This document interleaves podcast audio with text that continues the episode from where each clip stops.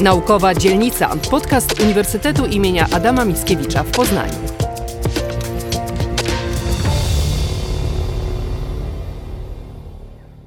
Dzień dobry Państwu. Witam na kolejnej już 28 debacie akademickiej, dzisiaj poświęconej obecności Polski w Unii Europejskiej i obecności Unii Europejskiej w Polsce. Tak trochę przewrotnie nazwaliśmy tą dzisiejszą debatę. Uczestnikami debaty byli ze strony UAM profesor Katarzyna Klawkowska-Waśniowska i profesor Zbigniew Czachur, natomiast z Uniwersytetu Ekonomicznego w Poznaniu profesor Ida Musiałkowska oraz profesor Filip Kaczmarek. Gospodarz spotkania, rektor Uniwersytetu Ekonomicznego w Poznaniu, profesor Maciej Żukowski, przypomniał historię członkowstwa Polski w Unii Europejskiej. Tym roku minie 18 lat naszego członkostwa w Unii, czyli członkostwo w Unii wchodzi w wiek dojrzały. To oznacza także, że nasi studenci nie pamiętają innej Polski, Polski poza Unią. Ja oczywiście pamiętam. Ludzie z naszego pokolenia dobrze pamiętają. I myślę, że dla nas było to zwieńczenie ważnego etapu transformacji do demokracji i gospodarki rynkowej. Dr Krzysztof Gołata, moderator debaty, wyliczył, ile kosztują nas kary nakładane przez instytucje unijne. 14 lipca ubiegłego roku Polska została zobowiązana do natychmiastowego zawieszenia stosowania przepisów odnoszących do, się do uprawnień Izby Dyscyplinarnej Sądu Najwyższego. Może ktoś jeszcze z Państwa pamięta, ale pan profesor Balcerowicz kiedyś umieścił taki licznik długu deficytu publicznego w centrum Warszawy, to ja chciałbym zaproponować, że może byśmy taki e, licznik tego długu wywiesili, ponieważ e, licznik bije od 3 listopada. Dzisiaj dokładnie to jest 83 miliony euro, czyli po sobotnim kursie, bo w sobotę to przeliczałem, po sobotnim kursie to jest w granicach 375 milionów złotych. E, czyli po mojej ostatniej wizycie w aptece za tą kwotę moglibyśmy kupić ponad 10 milionów testów na COVID. Profesor Katarzyna Klawkowska-Waśniowska wskazała błąd w myśleniu o Unii Europejskiej. Gdzie tkwi nasz błąd w rozmowie o Unii Europejskiej? Prowadziłabym do błędu w rozumieniu czy ujmowaniu pojęcia członkostwa w Unii Europejskiej naszej dyskusji na temat praw i obowiązków członków Unii Europejskiej.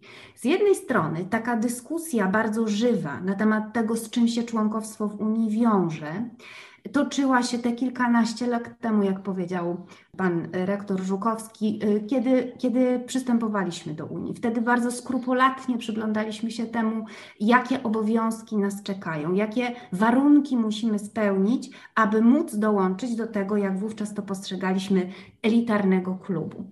Te doświadczenia, które mamy z tamtego okresu, są dla nas również dzisiaj, uważam, niezwykle cenne.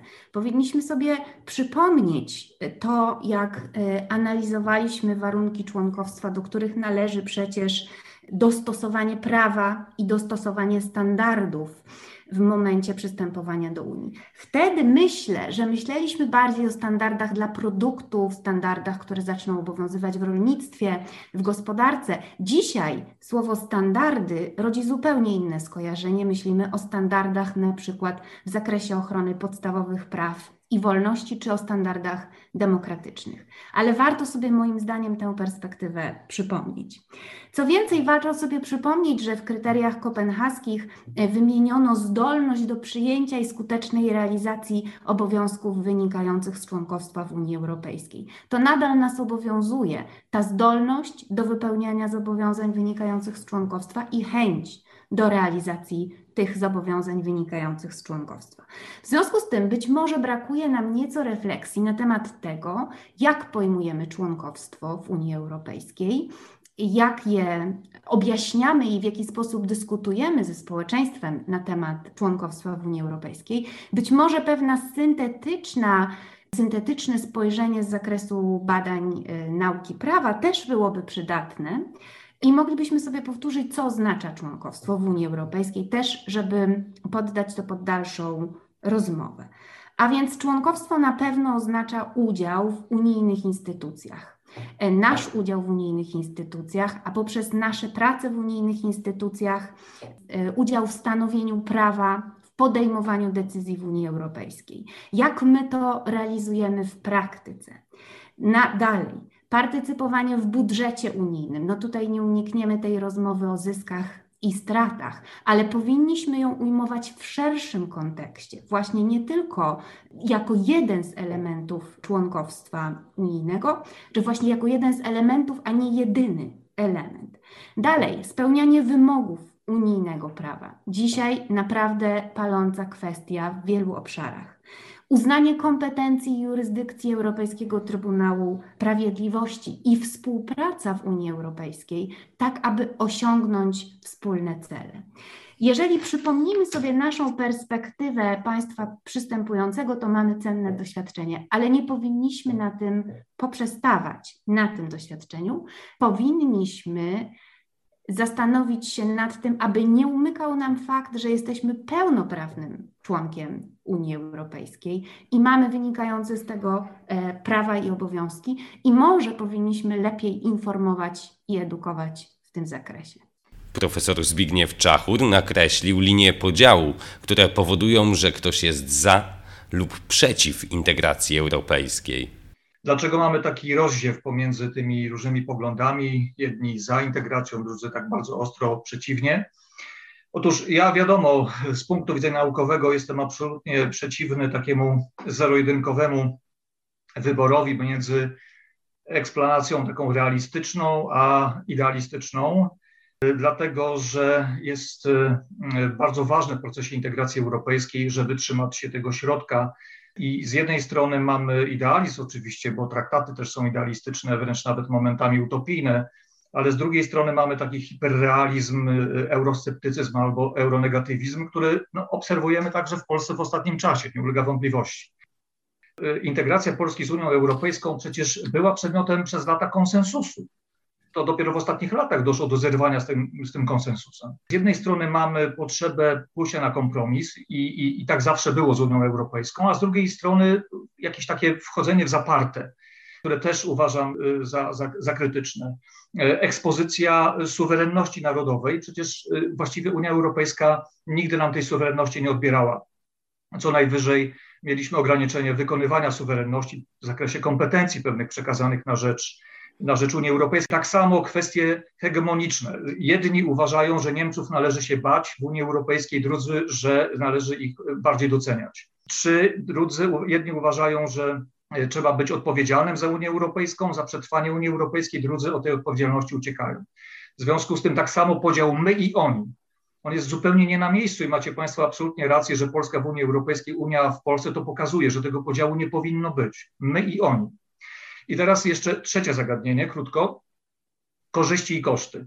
Przecież e, to jest oczywiste dla wszystkich, to jest oczywista oczywistość, jak mówi klasyk, że przypadku akurat korzyści i kosztów, korzyści przewyższają koszty, nawet jeżeli one byłyby. Bo takie się na pewno pojawiły przez te wszystkie lata, także od już właściwie roku 92 od Stowarzyszenia Polski ze wspólnotami europejskimi. Po pierwsze, był to skok modernizacyjny. I ten skok modernizacyjny powinien być kontynuowany. Potrzebujemy na to środki finansowe i obecne władze w Polsce nie mogą przeszkodzić nam w realizacji tego skoku modernizacyjnego. Takie jest moje zdanie.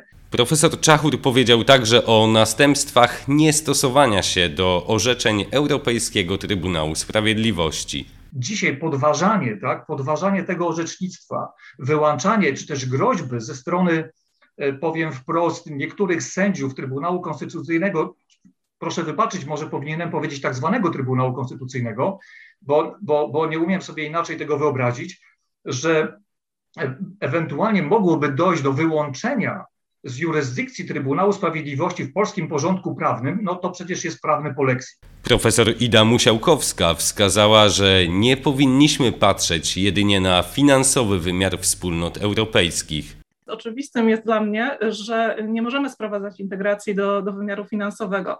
Jasno mówić, czego dotyczy integracja, że to nie jest tylko przepływ z budżetu czy wpływy do budżetu, że to nie tylko są fundusze unijne, ale to jest też szereg innych korzyści, e, na które trzeba zwrócić uwagę i myślę, że, że, że tu może być część tego błędu. E, niestety w, w takiej debacie ogólnej, publicznej praktycznie od początku członkostwa e, Polski w Unii, głównie te kwestie, kwestie związane z liczbami były podkreślane. Dużo mniejszy nacisk kładziono na kwestie praw, edukacji, korzyści wynikających chociażby z mobilności studentów. Wszyscy, wszyscy, czy większość studentów naszych uczelni korzysta z programu Erasmus i to są też pewnego rodzaju walory, które są nie do przecenienia, kiedy mamy styczność z innymi kulturami, poznajemy innych ludzi i e, widać, jak e, integracja, jak Unia działa e, na tym innym poziomie, też osobistym, rozwojowym.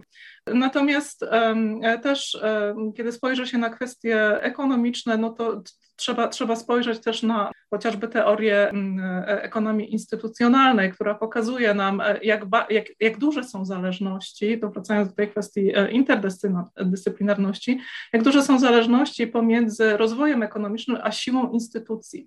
I tu instytu, przez instytucje, rozumiem, instytucje rozumiemy szeroko, też jako, jako normy, jako pewnego rodzaju uwarunkowania, które determinują rozwój. I to jest potwierdzone badaniami badaczy światowych, ale tych e, również z naszej uczelni, to potwierdzają ostatnie artykuły pani profesor e, Szarzec chociażby, która, która badała wpływ mm, e, instytucji na rozwój, rozwój krajów z naszej części, z naszej części regionu, tej części regionu Europy. I tutaj upatruję jeszcze jednej słabości, mianowicie słabości edukacji, że my nie rozumiemy pewnych procesów, Profesor Filip Kaczmarek opowiedział o istotnej roli dopłat bezpośrednich i tego, jak wpłynęły one na świadomość Polaków.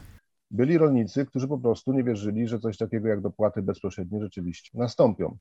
Pierwsze wypłaty dopłat bezpośrednich były w listopadzie 2004 roku i badania w 2005 pokazały, że skoro to była grupa najbardziej nieufna, a ich, a ich obawy zostały no, materialnie obalone, no to ona najbardziej zmieniła zdanie znaczy największy przyrost y, zwolenników akcesji nastąpił właśnie wśród, przynajmniej w Wielkopolsce tak, tak było. Więc wydaje mi się, że to y, nie za bardzo można było uniknąć y, takiego nacisku na kwestie finansowe, no tym bardziej, że sama debata akcesyjna nad referendum akcesyjnym też troszeczkę narzucała, prawda, jakie będą te korzyści. No, oczywiście, że, że rząd dokładał swoje, bo co roku były publikowane bilanse korzyści, prawda? Nie, nie wiem do którego roku, ale, ale co roku ten bilans korzyści nawet w formie książkowej się ukazywał. Natomiast nie ulega wątpliwości, że to się zmieniło i to się zmieniło moim zdaniem dość dawno, bo pierwsze badania, które ja sobie przypominam, które pokazywały, że przynajmniej w przypadku Polski obywatele już nie koncentrują się na tych korzyściach wyłącznie materialnych, y, na przykład wynikających ze wspólnej polityki rolnej czy ze polityki regionalnej, to był rok 2013, gdzie y, no, już mówiąc w skrócie chodziło o to, że ludzie przestali postrzegać jako mosty, drogi, inwestycje infrastrukturalne jako coś, co poprawia ich jakość życia. Zaczęli oczekiwać raczej indywidualnych korzyści, właśnie tak jak na początku rolnicy, którzy dostawali dopłaty bezpośrednie. Więc pojawiło się pytanie, co ja jako konkretna osoba uzyskam z tego, że jesteśmy w Unii Europejskiej. Zresztą ci, którzy zaczęli wygrywać w roku 2014 roku, właśnie te, te nastroje społeczne, te oczekiwania dobrze, dobrze odczytali i politykę krajową tak prowadzili, żeby uzyskać poparcie polityczne i wygrywać wybory. Natomiast przyczyną tego, dlaczego politycy nie wychodzą poza ten schemat, prawda, plusy, minusy, y, korzyści, moim zdaniem są, no, wynikają z tego, że nastąpiła bardzo silna mediatyzacja polityki, to co badacze nazywają mediatyzacją polityki, tak, uzależnienie od tego przekazu medialnego. Właśnie polityki jako tak jest coraz mniej. Nie jest o tym przykro mówić, bo sam pracuję w katedrze, która zajmuje się public relations, ale po prostu olbrzymia większość polityków kieruje się wyłącznie PR-em, tak? nie kieruje się żadnymi ideami czy, czy wartościami, tylko tym, jaki to będzie efekt medialny i jak on będzie się przekładał na decyzje polityczne. I to oczywiście objęło też kwestie, kwestie europejskie, a objęło kwestie europejskie między innymi również dlatego, o czym mówił pan profesor Czachur. Mianowicie no, zniknął ten konsensus w sprawie polityki zagranicznej, który trwał bardzo długo, no bo trwał prawie 30 lat, no i, i mówiąc wprost, nie obejmował wyłącznie Unii Europejskiej, czy naszego bycia w Unii Europejskiej, ale bycia również w NATO i bycia w ogóle częścią Zachodu, cywilizacji Zachodu, czy Europy rozumianej jako wartości e, zachodnie. Tego konsensusu już e, nie ma. Zresztą nawiasem mówiąc, tego konsensusu, czy tego braku polityki w polityce, a to dotyczy też innych obszarów, nie tylko polityki e, zagranicznej czy, czy europejskiej. No bo proszę zwrócić uwagę, że nawet w tak drażliwej pilnej i bieżącej sprawie jak walka z pandemią. Nie ma konsensusu. To niestety jest cena y, za to, że nawet w najbardziej ważnych sprawach politycy nie potrafią formułować jakiegoś minimum wspólnego dla, y, dla wszystkich czy dla polskiej racji stanu. Zgadzam się z tym, co pan doktor Gołata na początku powiedział, że ten brak komunikacji, brak języka, on nie dotyczy wszystkich, bo ja wśród badaczy tego nie obserwuję. To dotyczy polityków i dotyczy dziennikarzy, czy dużej części dziennikarzy, a i dużej części tak zwanych dziennikarzy. W świecie nauki ja się z tym naprawdę no, nie, nie, spotkałem, tak, z takim jakby niezrozumieniem albo z jakimś takim kompletnym zaprzeczeniem podstawowych um, zasad. Natomiast w przypadku dziennikarzy i polityków, no to się spotykam nieustannie, chociaż troszeczkę to jest nieuchronne. No nieuchronne jest dlatego, że nie ma tego konsensusu, prawda? Skoro nie ma tego minimum wspólnego, no to wygrywają doraźne cele, doraźne interesy, bardzo krótkie. No często się mówi, że to jest ograniczenie do jednej kadencji, ale prawdopodobnie to jest jeszcze krócej, tak? Do jakiegoś sezonu politycznego, a nie nawet na całą kadencję. To tylko fragment debaty akademickiej. Zapraszamy do wysłuchania całości na profilu YouTube Uniwersytetu Ekonomicznego w Poznaniu. Na pewno pomoże ona w wyrobieniu sobie zdania, czy Unia Europejska to my, czy oni.